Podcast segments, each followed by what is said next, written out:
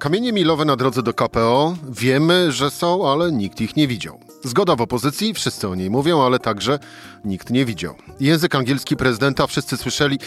Nie, to chyba nie będzie pasować do tego zestawienia, ale biegający w Berlinie Arkadiusz Mularczyk już tak. Sezon na Yeti w polskiej polityce w pełni. Wszyscy mówią o unijnych funduszach, porozumieniu opozycji, cudzie gospodarczym, spadku inflacji, tylko że, no właśnie, może Zuzanna Dąbrowska coś gdzieś widziała.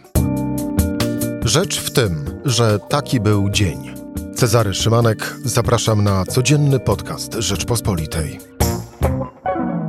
17 dzień stycznia, wtorek, Zuzanna Dąbrowska, e, wydarzenia, redaktorka Rzeczpospolita. Dzień dobry. Dzień dobry. Zacznijmy jednak wpierw e, od e, znowu kamieni milowych, Krajowy Plan Odbudowy. Nie mówilibyśmy o tym, gdyby nie sekretarz generalny Prawa i Sprawiedliwości, który dziś raczył był powiedzieć, że mm, niektóre kamienie milowe są nie do przyjęcia i na przykład taki kamień milowy jak zmiany w regulaminie Sejmu i Senatu, to zdaniem Krzysztofa Sobolewskiego, czyli wspomnianego sekretarza generalnego Prawa i Sprawiedliwości, no to on nie zostanie e, zmieniony, choć Komisja Europejska by chciała, a właściwie mówi, że powinien być zmieniony, aby te pieniądze ruszyły. Można tak sobie wybierać? No widocznie można. Prawo i Sprawiedliwość ma świetne samopoczucie i to zresztą dało się słyszeć e, w tych wypowiedziach e, pana posła sekretarza Sobolewskiego. Ale ten e, kamień milowy dotyczący zmian w regulaminie jest rzeczywiście bardzo trudny do przełknięcia dla, dla Prawa i Sprawiedliwości.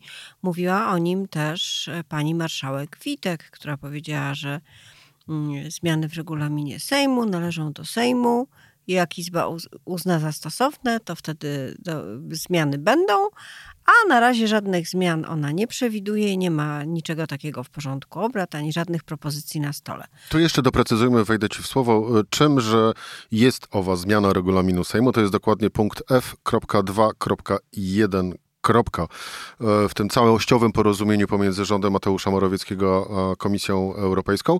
E, no i dotyczy on e, poprawy procesu tworzenia prawa, zakładając właśnie zmiany regulaminu Sejmu, Senatu i Rady Ministrów i tam e, te zmiany powinny wprowadzić na przykład obowiązkową ocenę wpływu i publiczne konsultacje projektów ustaw proponowanych przez posłów i senatorów, a także ograniczenie użycia przyspieszonych procedur tylko do wyraźnie określonych e, wyjątkowych e, przypadków. Gdybyśmy prześledzili najgłośniejsze akty prawne, które przyjmowały, przyjmował Sejm przez ostatnie dwie kadencje, czyli w, czas, w czasach, kiedy Prawo i Sprawiedliwość ma większość albo jest jej bardzo bliskie, to zobaczylibyśmy, że kwestie konsultacji i kwestie nadzwyczajnego, błyskawicznego trybu przyjmowania ustaw to jest narzędzie, którym e, obecna władza najchętniej się posługuje. Nic Jeszcze dziwnego. dodałbym do tego zgłaszanie projektów rządowych przez posłów. Tak, ale tutaj Myślę, że y, inne rządy poprzednie też często grzeszyły w ten sposób. To nie jest dobra praktyka, ale też trudno się przyczepić, że ona łamie w jakiś sposób reguły demokratyczne. Natomiast brak konsultacji i y, zbyt szybki tryb y, przyjmowania ustawy no, grozi bardzo poważnymi legislacyjnymi konsekwencjami, co zresztą czasem nawet ośmielają się przedstawiciele Biura Analiz Sejmowych wskazywać, e, no ale to nie, nie robi na nikim wrażenia. Co więcej, czasem mm, mam wrażenie, że e, niektóre ustawy są przyjmowane w tym błyskawicznym trybie jakby trochę dla sportu. Tak, po prostu, żeby sprawdzić, czy maszynka do głosowania nie zardzewiała, czy dobrze się ma, e, czy, czy jest naoliwiona i, i dobrze chodzi.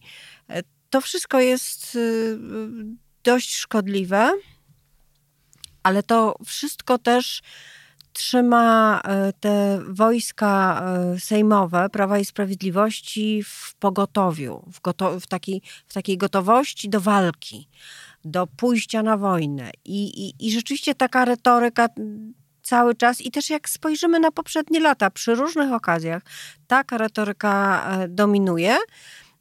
I y, na pewno ma, ma swój efekt, y, a tym efektem jest mobilizacja, bo jeżeli też myślimy w kontekście wyborów, to każdy socjolog czy politolog zajmujący się sondażami, zajmujący się rozkładem poparcia głosów wie i powie, że mobilizacja jest najważniejsza. A jak się nie zacznie od siebie, czyli od tego wojska sejmowego, to trudno się spodziewać, że y, wyborcy się zmobilizują.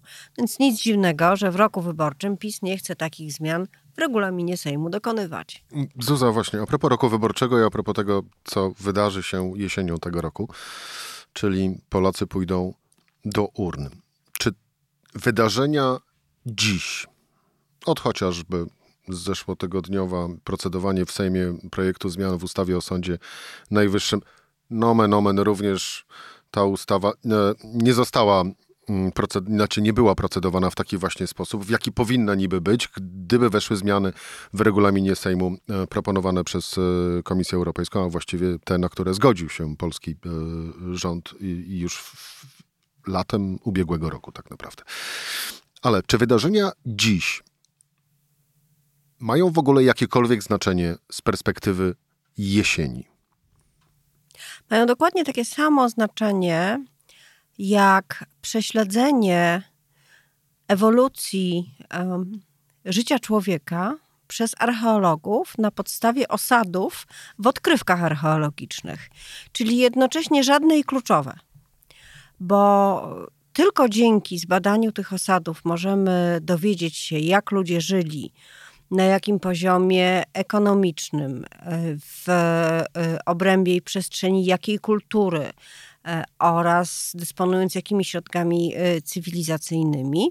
A z drugiej strony współczesny człowiek no pewnie może żyć bez prześledzenia e, tego wszystkiego. I tu jest trochę podobnie. Jest taki polityczny osad, który zostaje po każdej takiej batalii, potyczce. Jest to materiał, z którego się potem w kampanii czerpie, ale też między politykami pozostają konsekwencje takich sytuacji. To widzimy w przypadku ustawy o Sądzie Najwyższym e, bardzo mocno na przykładzie opozycji, która trochę od tego wszystkiego zgłupiała, tak jakby się zagoniła sama do narożnika i e, nie wiadomo, jak to będzie rzutować na, na rozmowy.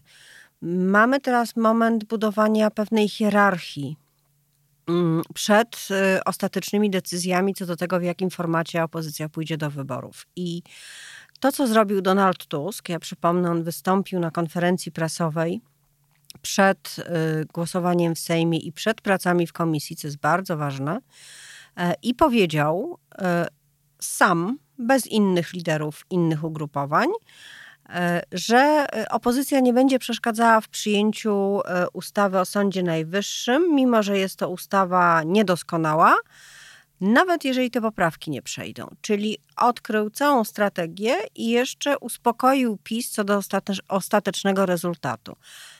Miał swoje argumenty. Te argumenty podzieliła bardzo duża część e, opozycji, przede wszystkim koalicji obywatelskiej, choć nie wszyscy. I tych racji nie podzielił e, Szymon Hołownia, Polska 2050 i niektórzy pojedynczy e, politycy z innych ugrupowań, szczególnie ci, którzy mają coś wspólnego z wymiarem sprawiedliwości, co też jest bardzo ważne. Donald Tusk powiedział, przekładając to na taki język e, socjotechniczny – to ja tu rządzę i to ja będę decydował, jak opozycja w najważniejszych sprawach będzie głosować, jak będzie się zachowywać. I mimo tego, że jestem poza Sejmem i nie mam automatycznego przełożenia na, na kluby, to właśnie w ten sposób y, zrobię i, i będę to przełożenie miał właśnie od dziś. No, trudno się dziwić, że części y, ugrupowań to się nie podoba, że się tego obawiają, ponieważ to rzutuje na, na, na, na wszystko, na całą przyszłość, włącznie z ewentualnym kiedyś powołaniem rządu złożonego z ugrupowań opozycyjnych. I teraz wszyscy zamarli i czekają, czy ta hierarchia się ustali. E, Hołownia jakby ją wypowiedział. E, okazało się też, że w opozycji są osoby, które, które są w stanie sprzeciwiać się liderowi. Ja nie chcę tego na tym etapie oceniać. Ja maluję tylko taki obraz tego, co się tam wydarzyło, bo y, y, na podstawie tego właśnie opozycja usiądzie lub nie usiądzie do rozmów. Znaczy do jakichś na pewno usiądzie, ale, ale, ale też ich efekt zależy od, od tych potyczek. Bo przecież jeżeli miałaby być jedna lista lub dwie czy trzy, to trzeba najpierw określić, kto jest najważniejszy kto ma mieć y, jaki kawałek y, tortu na tej wspólnej liście. No, przecież to jest y, szalenie ważne, przekładając to na konkretne okręgi. Czy na przykład we wspólnej liście Koalicja Obywatelska będzie miała trzy biorące miejsca, a Lewica dwa miejsca, a Hołownia jedno, albo odwrotnie, a PSL co? Też musi mieć jakieś miejsce. To ile tych biorących miejsc w okręgu ma być właściwie? I kto ma się dostać? To co wszyscy mają dostać po jednym tylko? To wtedy koalicja nie będzie miała zagwarantowanej przewagi i tak dalej, i tak dalej. To jest taka układanka, która musi z czegoś wynikać. I politycy oficjalnie mówią: A, zobaczymy, jakie będą sondaże bliżej wyborów. No to jest, krótko mówiąc, ściema. Żaden sondaż, choćby był najbardziej prawidłowo wykonany, choćby wykonała go sondażownia o największym autorytecie, nie da nikomu tego obiektywnego narzędzia do ręki, bo jak przyjdzie do rozmów, to inne ugrupowanie powoła się na e, sondaż równie prawdopodobny, e, równie e, obdarzony równie dużym autorytetem sondażowni. Tak się nie da. Z tego płynie wniosek, właściwie potwierdzający to, o czym mówiłem na samym początku, czyli coś takiego jak zgoda, porozumienie e, w gronie partii opozycyjnych, no to jest Yeti. I tym chyba Yeti tak naprawdę pozostanie. Nie musi. Nie musi. Po to są te walki, czy jakby z tego powodu są te walki i to ustalanie hierarchii, żeby wyłonił się pewien porządek, który zostanie położony na stole. Zgodnie z nim każdy będzie tam miał zaproponowane jakieś miejsce, które sobie albo sam wywalczył, albo które e, mm, zostało za, e, e, zaproponowane przez najsilniejszego. No, Lewica na przykład bardzo się wpisała w, ten, w, ten, w tę argumentację Donalda Tuska, mm, licząc pewnie na to, że w następnych rozdaniach będzie miała opinię wypróbowanego koalicjanta. I na tym lewicy zależy, a szczególnie Włodzimierzowi Czarzastemu. E, no i to jest jej pomysł. Hołownia się postawił, chcąc się dobić większej siły, i to jest jego pomysł na tę negocjację. Ale de facto całą tę sytuację ja widzę jako właśnie już negocjacje. Więc nie jest niemożliwe, że te negocjacje zakończą się porażką. Być może ktoś się z kimś dogada. Zapewne tak będzie ale będzie to się odbywać nie w jakimś y, słynnym sejmowym barze za kratą, gdzie usiądzie paru dżentelmenów nad, y, nad czymś tam, tylko będzie się odbywało w merytorycznych i praktycznie politycznych y, potyczkach. I to jest niesamowita siła polityki i taki jej narkotyczny wdzięk, że mm, sprawy dotyczące władzy, autorytetu, sfer wpływów dokonują się za sprawą tego, co dotyczy wszystkich obywateli. Rozgrywek, które dotyczą poszczególnych ustaw, próby sił, relacji z obozem przeciwnym. E, czyli można powiedzieć, że trochę, że polityka się bawi głowami obywateli, już nawet nie nad głowami, tylko głowami obywateli. Ale taka jest jej natura i wydaje mi się, że nigdy inaczej nie było. Wracając, a właściwie a propos tego, co ważne dla każdego z nas, czyli fundusze unijne, one też pozostaną Yeti? I tutaj nawiązuję również do tego, co, od czego zaczęliśmy naszą rozmowę, czyli do słów Krzysztofa Sobolewskiego, że te kamienie milowe to my sobie właściwie wybierzemy, które chcemy zrealizować. No więc jeżeli tak, i dodajmy do tego jeszcze. Mm, chociaż pewnie na razie na bieżący użytek, e, ale zawsze słowa Zbigniewa Ziobry, że Solidarna Polska będzie głosowała przeciwko ustawie wiatrakowej, a to też jest kolejny kamień, e, kamień milowy. No więc to pytanie o to, czy my zobaczymy wreszcie, bo wszyscy o tym mówimy, a rząd już w szczególności, chociaż ostatnimi miesiącami już mniej, ale pamiętamy takie z kolei miesiące, kiedy Polska pełna była billboardów mm, z oszałamiającą E, sumą euro na nich umieszczoną, ale tylko i wyłącznie jako napis, a nie banknoty. No więc, czy fundusze unijne, szczególnie te w ramach KPO, będą Yeti?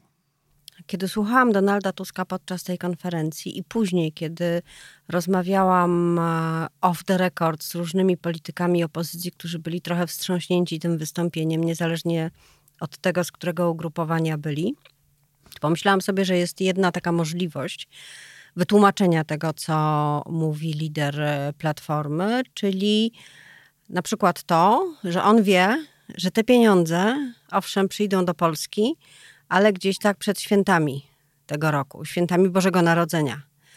Wtedy cała ta strategia miałaby bardzo duży sens, więc być może Donald Tusk wie, kiedy wypłata nastąpi. To jest trochę żarta, trochę teoria spiskowa. Ale tylko, że po drodze musiałby wygrać wybory. Aż, oczywiście, tylko że myślę, że tutaj on ma bardzo głębokie przekonanie, że, że te wybory wygra. E, tyle, że trochę tak jest, że ten, e, ta koncepcja, ta możliwość e, sama siebie trochę mm, niszczy. To znaczy, jeżeli Donald Tusk wiedząc coś, czego reszta nie wie, czy też obywatele nie wiedzą, bo może współpracownicy też wiedzą, forsuje strategię, która jest nieczytelna dla wyborców, no to może tę swoją pewność co do wygranej schować nad noteczki, bo e, to demobilizuje. E, zaczęliśmy rozmowę o, od, od mobilizacji. Nie można działać w taki sposób, żeby ci, których już się ma, zostali zmobilizowani. Po tym, co się wydarzyło wokół ustawy o Sądzie Najwyższym, najwierniejsi z wiernych środowiska związane z obroną praworządności, środowiska prawnicze, sędziowie, mało tego, nawet przedsiębiorcy, którzy są takim silnym ekonomicznym zapleczem platformy i tej opcji liberalnej. Wszyscy oni powiedzieli, to my przez tyle lat broniliśmy praworządności po to, żeby teraz wybrać pieniądze? Wiesz, co mi się przypomniało, yy, właśnie biorąc pod uwagę zarówno głosowanie w Sejmie, jak i późniejsze komentarze, przypomniały mi się yy, czasy yy, OFE i decyzji też rządu Platformy Obywatelskiej dotyczącej OFE. I tak naprawdę yy, wtedy, co do mm, niekoniecznie y, stricte meritum sprawy, ale co do klimatu, to te komentarze potencjalnych wyborców, jak i tych prawdziwych, autentycznych e, wyborców, sympatyków Platformy Obywatelskiej były właściwie podobne jak teraz. Tak, bo to jest, to jest kwestia stosunku do tak zwanego żelaznego elektoratu. E, I w tym sensie więcej instynktu ma Jarosław Kaczyński, kiedy, kiedy na przykład wygaduje te rzeczy, które wygaduje na spotkaniach, e, jakieś żarty o wątpliwej jakości, jakieś kolejne wojny podjazdowe, wystawianie kolejnych wrogów. On to mówi do żelaznego elektoratu, e, żeby pokazać, że jest konsekwentny i że się nie zmienił i że ta kampania wyborcza nie zrobi z niego znowu E, miłego pana w średnim wieku, żeby jego samego zacytować, tylko on będzie cały czas tym Jarosławem Kaczyńskim, który mówi do tych dwudziestu paru procent e, twardych zwolenników. Opozycja po pierwsze jest różnorodna, więc już e, ma gorsze warunki dialogu z żelaznym elektoratem, bo on jest różny. Trzeba mówić różne rzeczy. A nie dość na tym. Jeżeli okaże się, że tym ludziom, którzy chcą e, głosować na przykład na koalicję obywatelską, będzie się odbierać wiarę w to, że ma to głęboki sens moralny, no to wtedy można stracić nawet ten żelazny elektorat, nie przekonując tych, którzy czekają na pieniądze z Krajowego Planu Odbudowy i dla których to jest najważniejsze, czyli tych, których opozycja jeszcze nie ma. Te parę procent, które odeszło od PiSu, czeka, nie wie, czy pójdzie na wybory. I to jest zrozumiałe z politologicznego punktu widzenia, że się o tych ludziach myśli, o tych głosach myśli. Ale nie można tego robić kosztem e, tych, którzy mają ponieść e, wszystkie te ugrupowania do zwycięstwa. I na koniec w takim razie jeszcze jedno podsumowujące pytanie. Czy pod koniec tego roku też o potencjalnym, właściwie o zwycięstwie Prawa i Sprawiedliwości w wyborach też będziemy mówić Yeti, czyli wszyscy o tym mówili, ale nikt tego nie zobaczył. Czy też odwrotnie, to będzie samo spełniająca się z ust posłów i polityków Prawa i Sprawiedliwości przepowiednia i jesienią PiS sięgnie po trzecią kadencję. Ale ja nie jestem specjalistką ani od diety, ani od pan, e, bycia puszką z Pandorą, jak, jak mówił klasyk. To jest y, bardzo dynamiczne, y, wszystko, co dzieje się na scenie politycznej. Wiadomo, i mam nadzieję, że tego się już nauczyliśmy, by nie powtarzać y, takich błędów jak zaklinanie się co do zwycięstwa, o tym, kto kogo musi przejechać na pasach i czy ten ktoś ma być w ciąży, czy, czy nie ma być w ciąży. I nie można mieć w polityce pewności, właściwie co do niczego, mimo coraz bardziej precyzyjnych, precyzyjnych instrumentów, które tę politykę kształtują, instrumentów e, działających na wyborców, poprzez media, poprzez media społecznościowe. Niby wszystko jest takie precyzyjne, już wymyślone, a potem się okazuje, że ktoś wstanie nie tą nogą, którą powinien, że ktoś powie trzy słowa za dużo i wszystko to się odwraca. I też pytałeś o, o o to, jaki wpływ będzie miało, było, będzie miało prześlenie, z którym mamy teraz do czynienia. E, ja powiedziałam, że to jest osad, ale właśnie te osady potem zbudują y, tę przestrzeń wyborczą. Y, I konia z rzędem temu, kto potrafi dziś bardzo precyzyjnie określić, jaką grubość ma która warstwa. Bądź też inaczej, łopotanie którego motyla spowoduje takie, a nie inne e, wydarzenie, czyli e, wygraną e, w wyborach. Zuzanna Dąbrowska, Rzeczpospolita. Dziękuję Ci bardzo za rozmowę. Dziękuję. To była Rzecz w tym we wtorek. Cezary Szymanek do usłyszenia jutro o tej samej porze.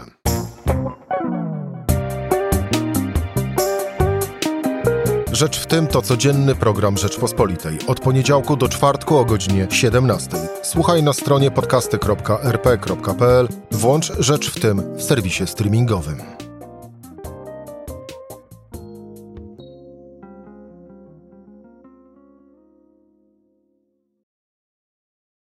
Poznaj mocne strony Rzeczpospolitej. Wejdź na prenumerata rp.pl. Polecam. Bogusław Rabota, redaktor naczelny.